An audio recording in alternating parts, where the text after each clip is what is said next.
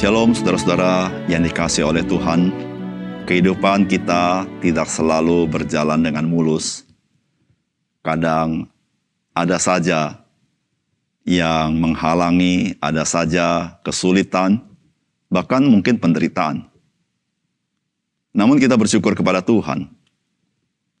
Ketika mata rohani kita dicelikan, kita bisa melihat segala sesuatu itu di dalam perspektif dari sorga sehingga meskipun situasi dan kondisi sepertinya tidak baik, namun kita bisa melihat bahwa Tuhan bekerja mendatangkan kebaikan bagi hidup kita.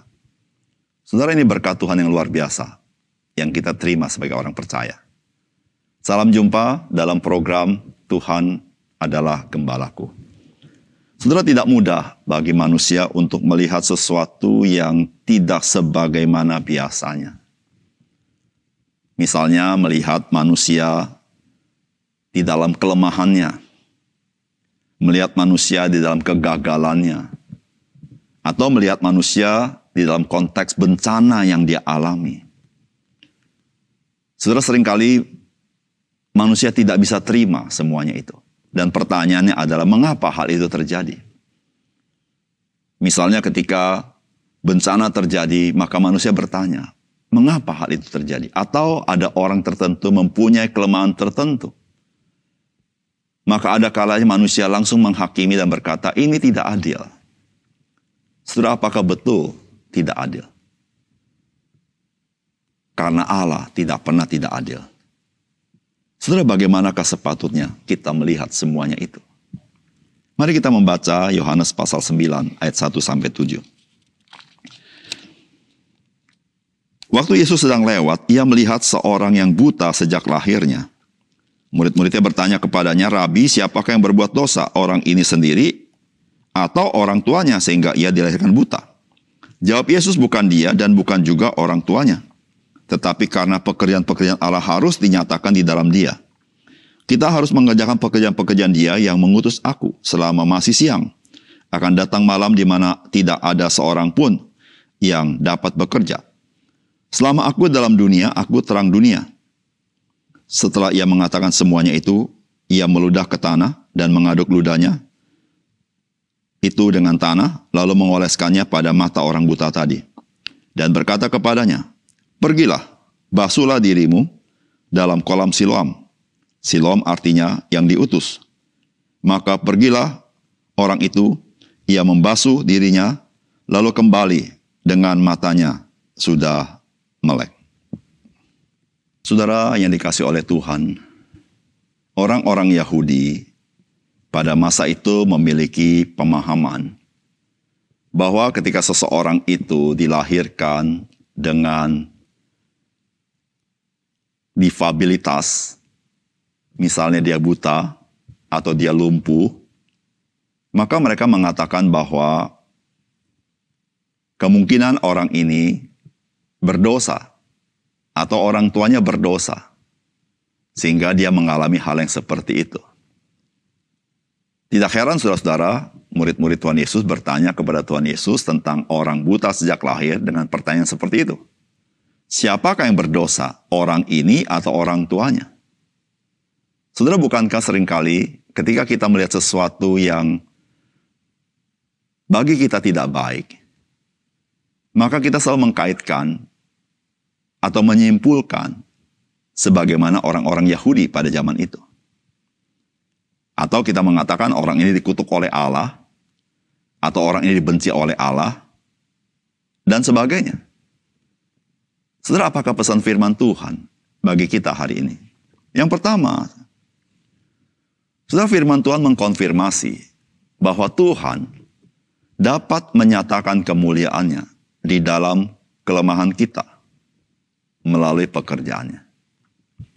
Waktu Yesus sedang lewat, ia melihat seorang yang buta sejak lahirnya. Murid-muridnya bertanya kepadanya, Rabi, siapakah yang berbuat dosa, orang ini sendiri atau orang tuanya? Sehingga ia dilahirkan buta. Jawab Yesus, bukan dia dan bukan juga orang tuanya, tetapi karena pekerjaan-pekerjaan Allah harus dinyatakan di dalam dia. Saudara kelemahan manusia, kegagalan manusia, atau difabilitas seseorang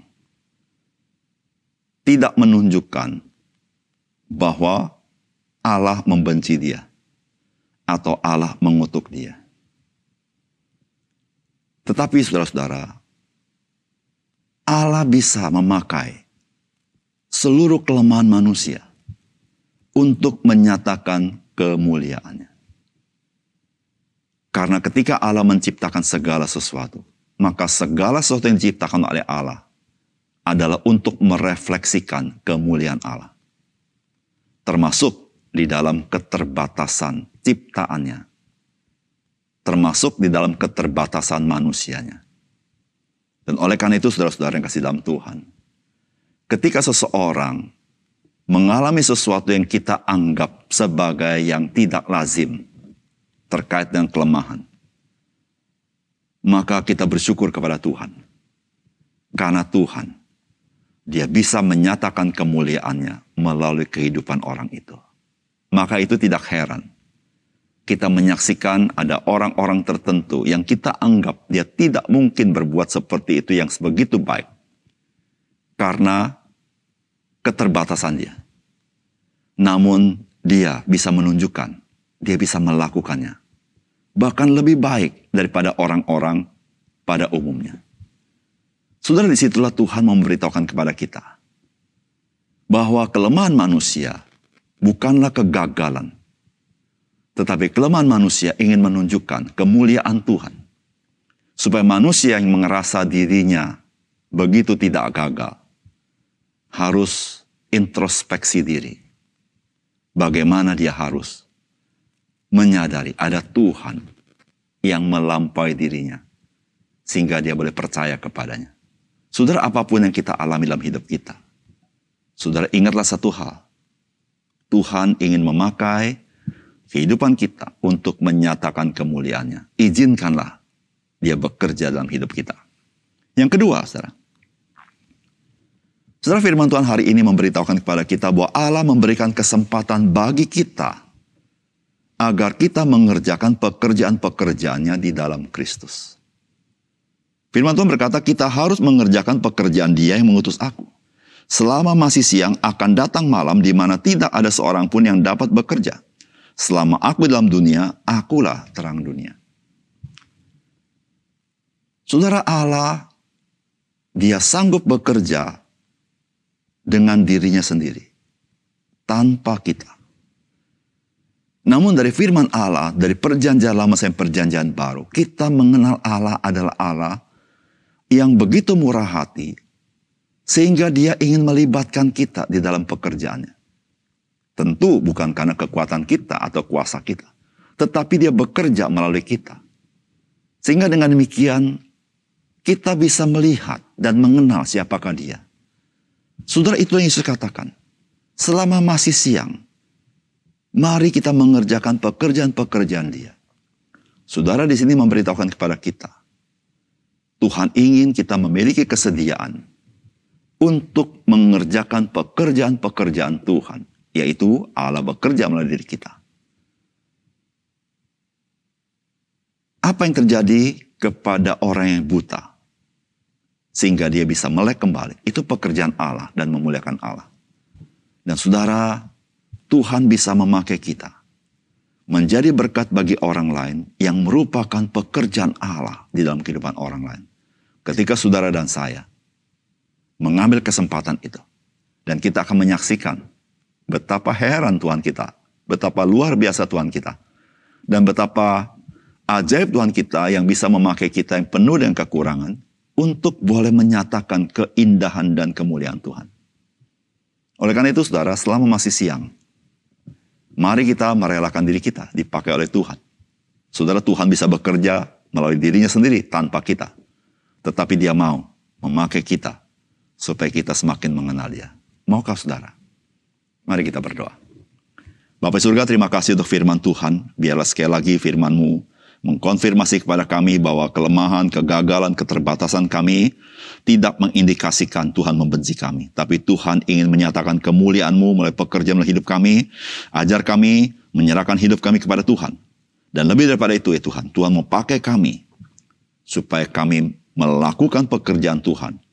sehingga kami mengenal Engkau dan menyatakan kemuliaan. Tuhan berikan kami kerelaan untuk seperti itu. Dalam nama Tuhan Yesus kami berdoa. Amin.